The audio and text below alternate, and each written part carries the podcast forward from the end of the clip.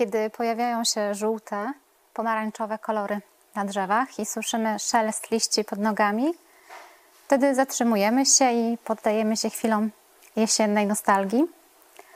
Nachodzą nas wtedy myśli o przemijaniu i bez znaczenia, czy jesteśmy 30, 50 czy 70 plus. Witam Państwa w jesiennym pogotowiu rodzinnym. Nazywam się Teresa Grabska i będę rozmawiać z ludźmi, z osobami, które już niejedną wiosnę i jesień przeżyły. Są z nami Bożena Szymańska. Witam wszystkich serdecznie. Jolanta Wilkowska-Korwel. Dzień dobry, witam wszystkich. I Eugeniusz Dobosz. Witam Was. Również witam serdecznie. Wiemy, że głównie niedostatek światła jest w jesiennej handrze. Czy Wam zdarzały się albo zdarzają się takie jesienne smutki i jakie Was wtedy myśli, przemyślenia, wspomnienia nachodzą? Ja jestem tak zajętym człowiekiem, że raczej nie myślę o takich rzeczach. Mam tyle zajęcia. Wydawało mi się kiedyś, że na, jak będę na emeryturze, to dopiero będę sobie siedział, czytał, a się okazuje, że jestem bardzo zajętym człowiekiem. No ja podobnie jak Eugeniusz jestem bardzo aktywną osobą. Nie mam czasu na takie zastanawianie się dłuższe, ale na mnie jesień działa w sposób taki uspokajający, dlatego że mam ogródek i w tej chwili kolory rzeczywiście są w ogródku piękne, piwonie takie mają czerwone liście, więc ja się zachwycam jesienią. A czasu na takie jakieś nostalgie, smutki raczej nie mam. Wiele osób traktuje jesień jako czas powrotów, kiedy rodzina, znajomi wracają z wakacji i można z powrotem ze sobą razem być. Chociaż niektórzy ludzie jesienią czują taki niepokój, że coś mija, coś, co chcieliby zatrzymać. Czasem jest to obawa przed pustym gniazdem, bo dzieci wybierają się do akademika, a wielokrotnie jest to upływ lat. Przeczytam fragment wypowiedzi socjologa Tomasza Sobierajskiego, który podał, że przy okazji badań socjologicznych na zupełnie inne tematy wyszło, że ankietowani odejmują sobie lat. Pan Sobierajski powiedział: Każde badanie zawiera tak zwaną metryczkę, w której ankietowani są proszeni o podanie swoich danych, między innymi wieku. Jakiś czas temu, nie tylko w Polsce, także na świecie, postanowiono powiedzieć sprawdzam, czyli dowiedzieć się, czy wiek deklarowany przez badanych zgadza się z tym prawdziwym. I co się okazało? Że zdecydowana większość badanych odejmowała sobie lat. Co ciekawe, robiły to nie tylko kobiety. Miało to wpływ na wyniki badań, bo ludzie odejmowali sobie 5, 7, a nawet więcej lat.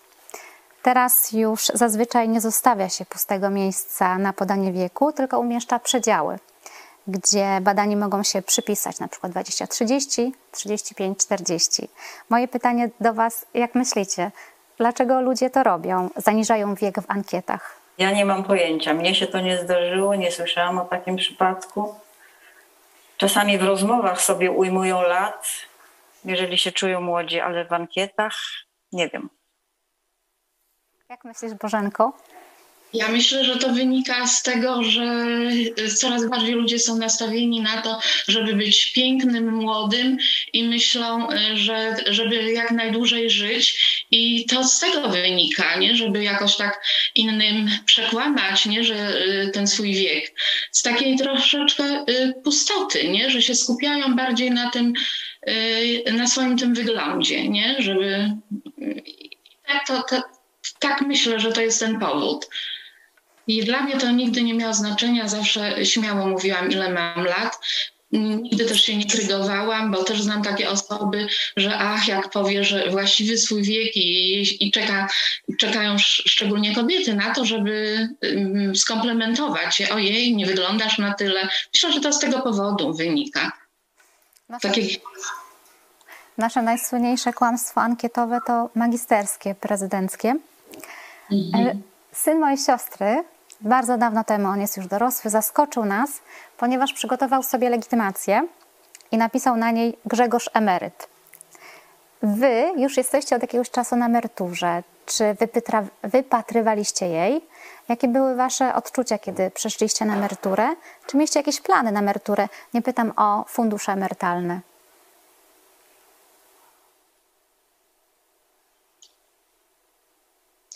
Jeśli chodzi o mnie, to y, nie miałam żadnego planu na emeryturę, ale pracując w szkole y, mogłam przejść na tą wcześniejszą. I dla mnie takim głównym powodem przejścia na wcześniejszą emeryturę było to, że czułam się już wypalona zawodowo i ciągle się zmieniały jakieś tak, takie przepisy w pracy i obawiałam się, że być może y, stracę ten etat, więc y, przemyślałam, że najlepsza, najlepsze będzie dla mnie przejście na tę wcześniejszą emeryturę z myślą też o tym, żeby sobie w międzyczasie jeszcze dorabiać. No i tak zrobiłam. I myślę, że to była słuszna y, decyzja. No i teraz cieszę się tą emeryturą. No ja podobnie jak Bożenka przeszłam na wcześniejszą emeryturę, też skorzystałam z takich możliwości, ale ja przechodziłam praktycznie z własnej działalności, bo zachwycona wolnością gospodarczą 89 roku otworzyłam własny biznes, który zbankrutował jak Chińczycy weszli ze swoimi produktami. I był taki moment, że nie wiedziałam, co mam robić. I taka okazja, właśnie te przepisy, które umożliwiały mi przejście na wcześniejszą emeryturę, wykorzystałam. Zmieniłam cał, całe swoje życie, można powiedzieć, do góry nogami. Zaczęłam robić rzeczy, których nigdy nie robiłam. Zajęłam się trochę y, takim półwolontariatem, pracowałam właściwie na takim y, pomocniczym stanowisku, pomagałam troszkę i zajęłam się y, praca i hobby w jednym. Jakie Zajęłam są? się zdrowiem i to mi dawało dużo satysfakcji, ale wiele się później też jeszcze zmieniło. Jakie są plusy życia na emeryturze? Już wymieniałaś, Jola. No, przede wszystkim plusem jest to, że człowiek jest pewnym sensie niezależny finansowo, bo tam ten jeden dzień w kalendarzu jest za pieniądze, ale wolność taka y, czasowa, przede wszystkim y, czas organizuję sobie tak, y, jak mnie się podoba. Nie muszę wstawać o określonej porze. Jeżeli wstaję, to tylko dlatego, że chcę, że mam jakieś zajęcia i przede wszystkim jest taka wolność od przymusu. Ja po prostu nic nie muszę. Ja robię to, co chcę, to, co mi sprawia przyjemność. Mogę pomagać komu chcę, kto, mnie, kto potrzebuje mojej pomocy. Na przykład teraz wnukom pomagam, y, to znaczy pomagam synowi i synowej przy wnukach, tak bym trzeba było powiedzieć. I y, to wszystko robię, co robię, daje mi ogromną radość, więc y, jestem bardzo zadowolona z emerytury.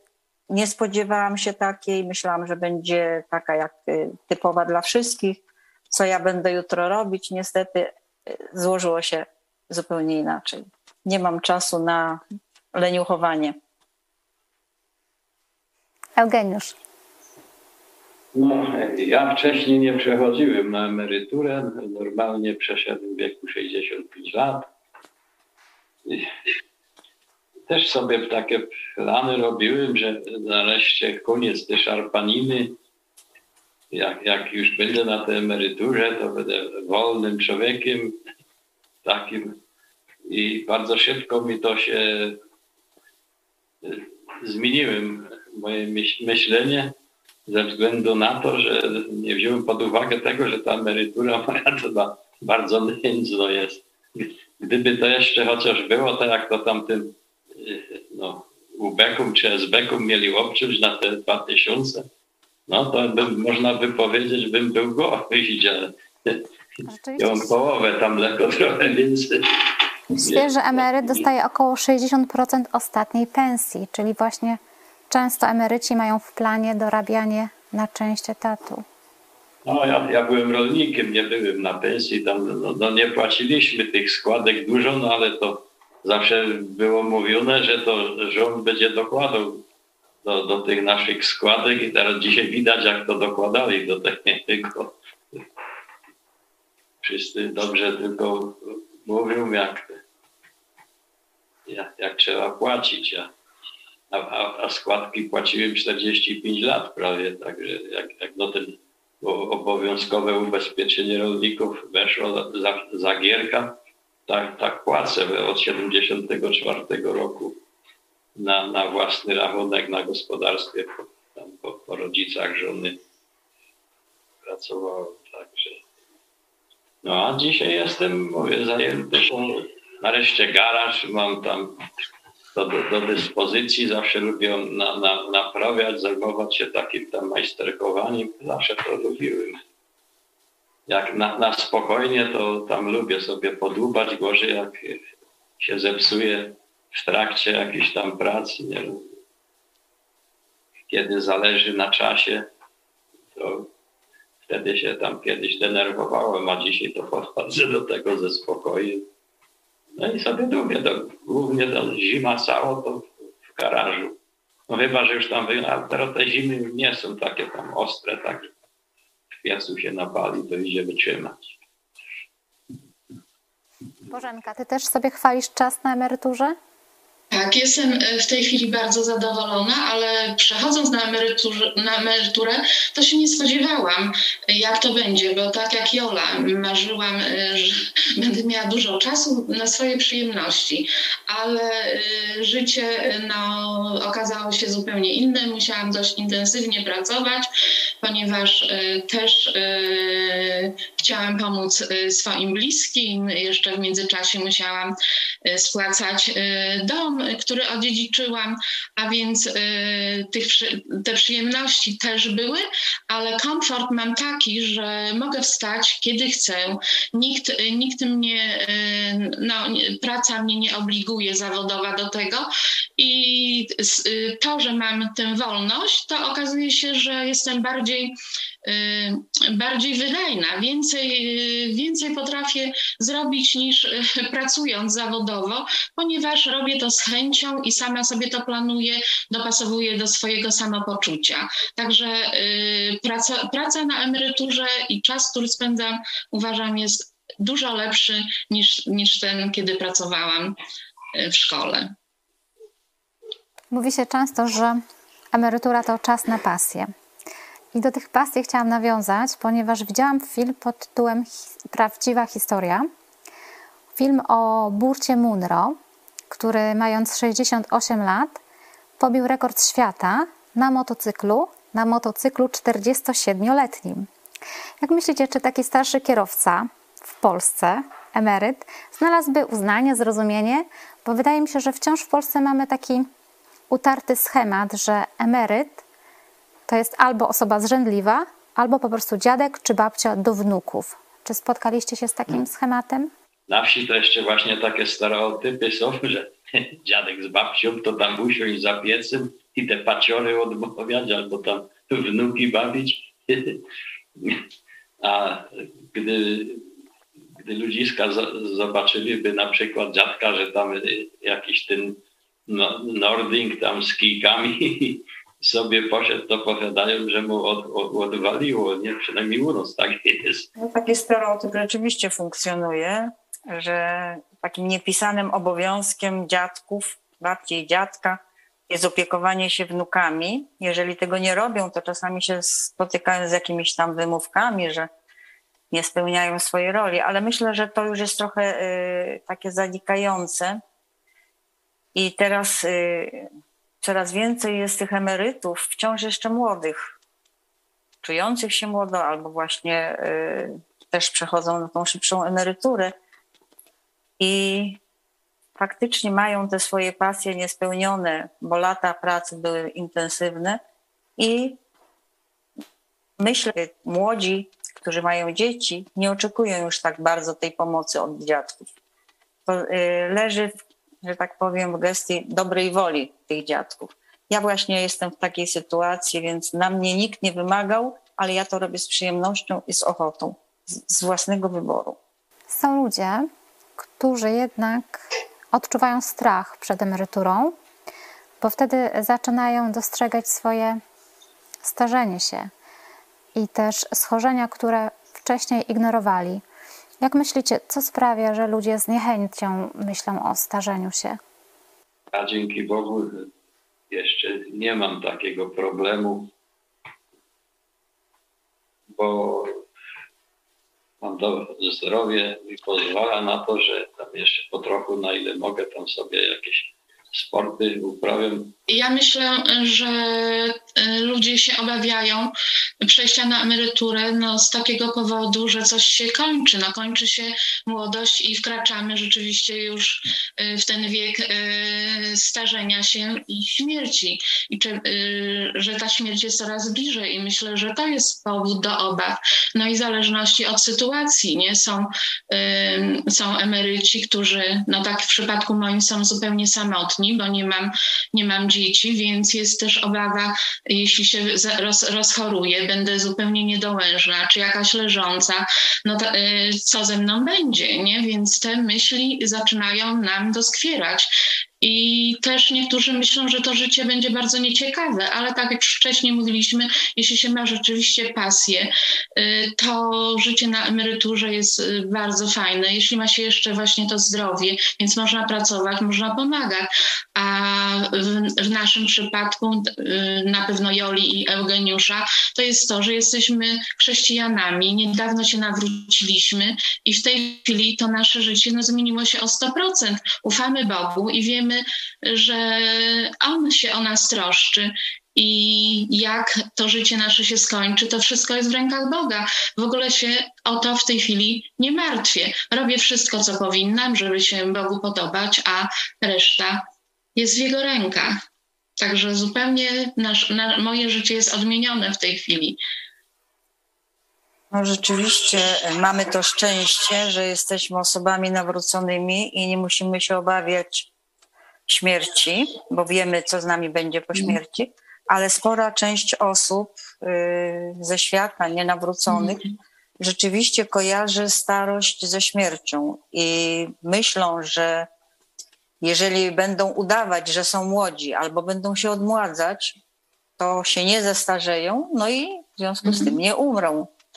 No oczywiście to jest taki mit. Mi się wydaje, że oni się bają, bardziej boją śmierci niż tej starości czyli przenoszą ten lęk y, z wyglądu, z tego życia teraźniejszego na to, co będzie kiedyś. Boją się rzeczywiście, y, co będzie po tej śmierci. Właśnie do tego. I, tak, i jeszcze tutaj mówię, to chyba te ankiety, takie zaniżanie wieku mm. też mają poprawić samopoczucie tym osobom. Mm. Myślą, że oszukają, nie wiem kogo, czas, Boga. Siebie. Do tego kultu młodości chciałam nawiązać, o którym wspomniałyście, bo w mediach mamy właśnie uwielbienie młodości.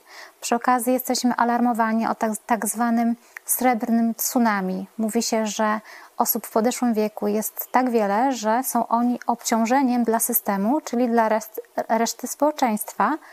I też pokazuje się, jak gdyby osoby starsze jako nie nadążające nad obe za obecnym tempem.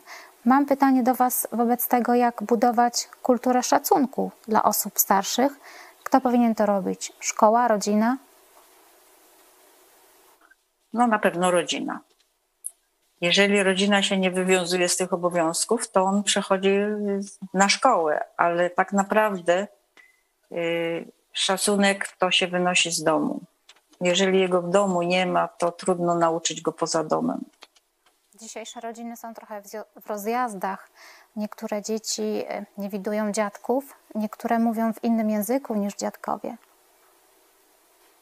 No tak, to jest właśnie problem taki e, czasów teraźniejszych. Jeżeli chodzi o wychowanie, to, to głównie dom, bo dzieci wbrew pozorom są bacznymi obserwatorami. Poszanowanie no, do dziadków, do, do rodziców. I ja starałem się moim dzieciom to wpoić. Patrzę z nadzieją w przyszłość. Bo to zależy tylko i wyłącznie od, od naszego wychowania. Zgadzam się y, tu z Eugeniuszem, z Jolą, że to zależy od rodziców, jak wychowają dzieci, jaki te dzieci będą miały stosunek do dziadków.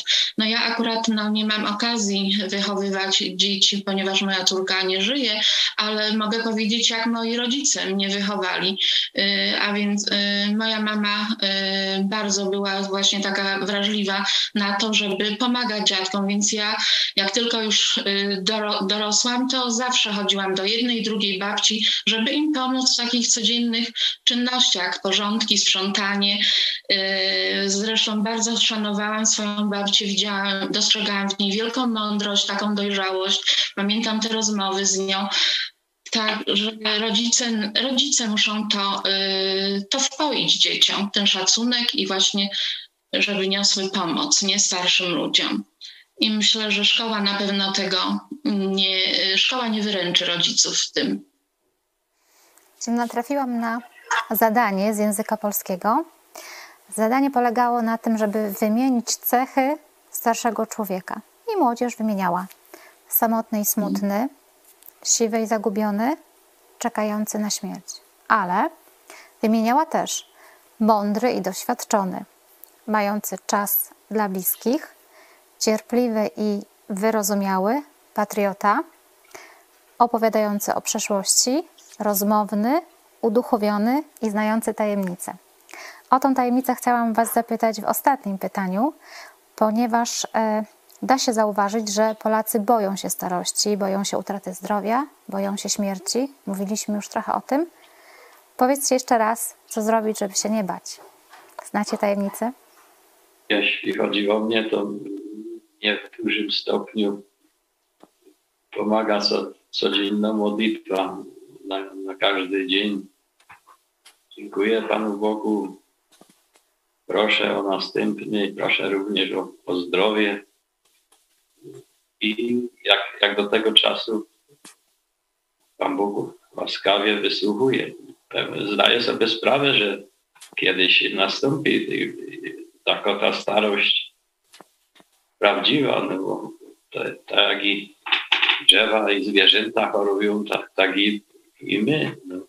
Z, z, tym pierwszym grzechem przyszło, przyszły i choroby i, i, i różne nieszczęścia, a, a, Bóg jak coś raz powie, to, to już od tego nie ma odwrotu. Tak, także przez naszą wiarę i zaufanie Bogu mamy tą przyszłość zapewnioną i jestem spokojny. Byli z nami Eugeniusz Dobosz. Dziękuję. Jolanta Wilkowska-Korwel i Bożena Szymańska. Dziękuję Wam, dziękuję Państwu. Do zobaczenia. Do zobaczenia. Do zobaczenia.